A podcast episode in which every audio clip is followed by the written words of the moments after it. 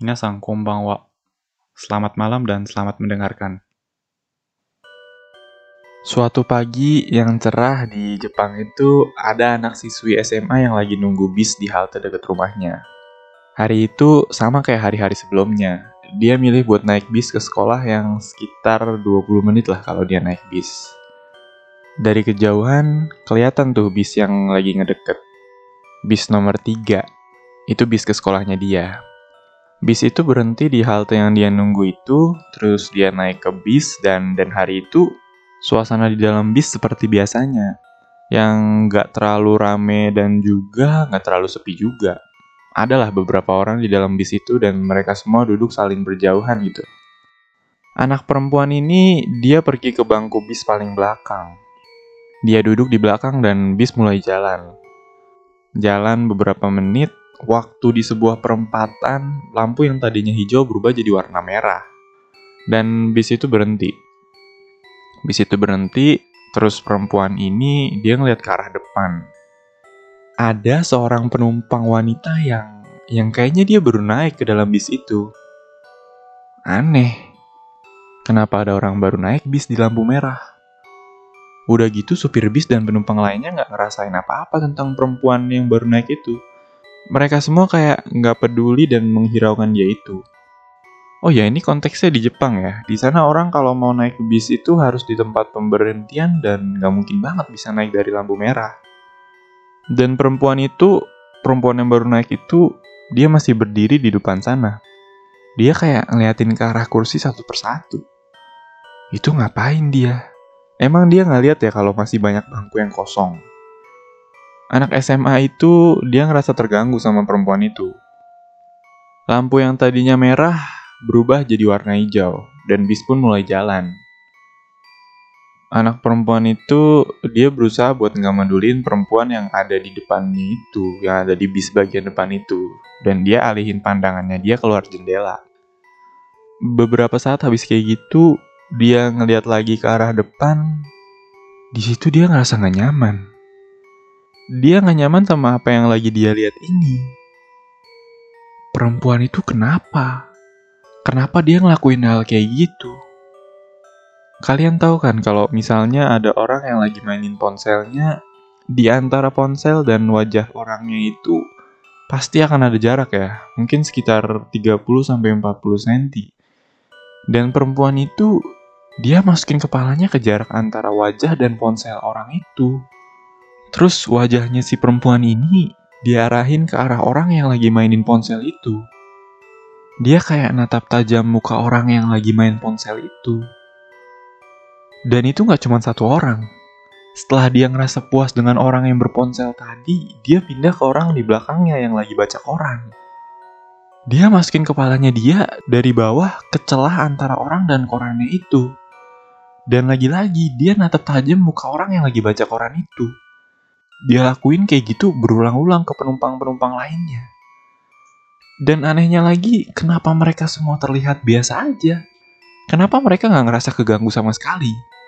Misalnya si anak perempuan ini diperlakuin kayak gitu, dia bakalan nggak tahan dan mungkin dia bisa ngejerit.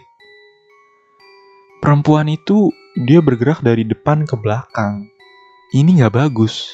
Ini berarti suatu waktu nanti si anak ini juga bakalan dapat gilirannya ya udah cepet-cepet dia ambil headset dari tasnya dia, dia setel lagu sekerasnya, dan dia tidur. Enggak, dia dia pura-pura tidur. Beberapa saat kemudian, bener, ada kehadiran seseorang di depan mukanya dia. Walaupun matanya tertutup rapat dan dia nggak bisa ngeliat depannya dia itu, tapi dia bisa ya ngerasain ada orang yang lagi natap mukanya dalam-dalam di depan mukanya dia itu kerasa ada semacam cahaya yang kehalang di depan mukanya dia itu. Lama, kerasa lama. Seenggaknya waktu itu kerasa lama banget buat dia itu. Orang itu masih ada di depan mukanya dia. Masih natap dalam-dalam wajahnya dia itu. Akhirnya dia berusaha nahan semaksimal yang dia bisa. Berusaha menjamin mata dan berusaha ngatur napasnya dia senatural mungkin. Setelah beberapa saat, hawa-hawa orang di depan wajahnya itu, dia udah gak ada. Pelan-pelan dia buka matanya dia. Dia lihat perempuan itu ternyata masih ada. Dia ada di bagian depan bis waktu itu. Di tengah-tengah jalan antar bangku bis, dia berdiri madep ke sini sambil kepalanya dia nunduk. Si anak ini, dia berusaha nggak ngehirauin keberadaan perempuan itu. Dia selalu ngingetin dirinya sendiri untuk gak berurusan dengan perempuan itu. Gak lama dari itu, bis tiba di halte pemberhentian SMA-nya dia. Dia harus turun di situ. Tapi perempuan itu masih ada di depan sana. Berdiri di tengah-tengah jalan keluar. Mau gak mau, anak ini pelan-pelan dia berdiri. Pandangannya dia itu ngeliat ke arah luar.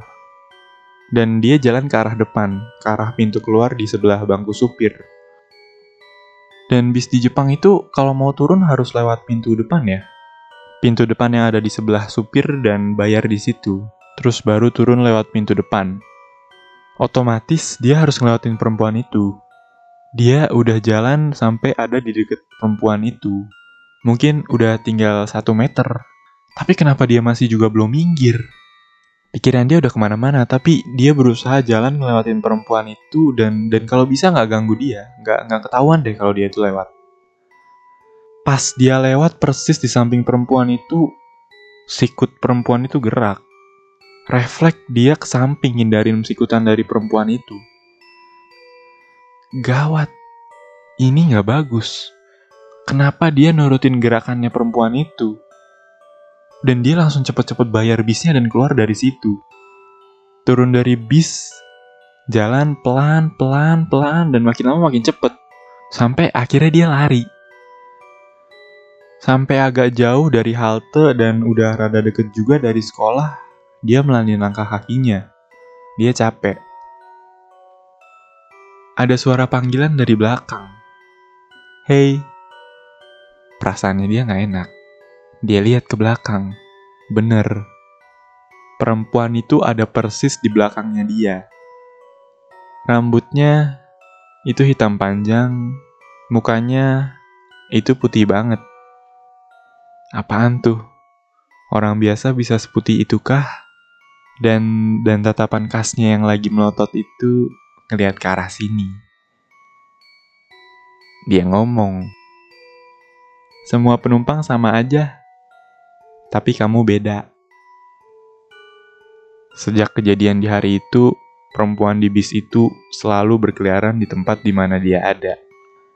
Kadang dia berdiri diam ngeliatin ke arah sini, kadang juga dia pindah sana sini, dan kadang dia natapin orang-orang yang ada di sekelilingnya dia itu. Mastiin apa nggak ada lagi orang yang kayak anak itu lagi. Oh iya, dan semenjak hari itu dia ke sekolah naik sepeda.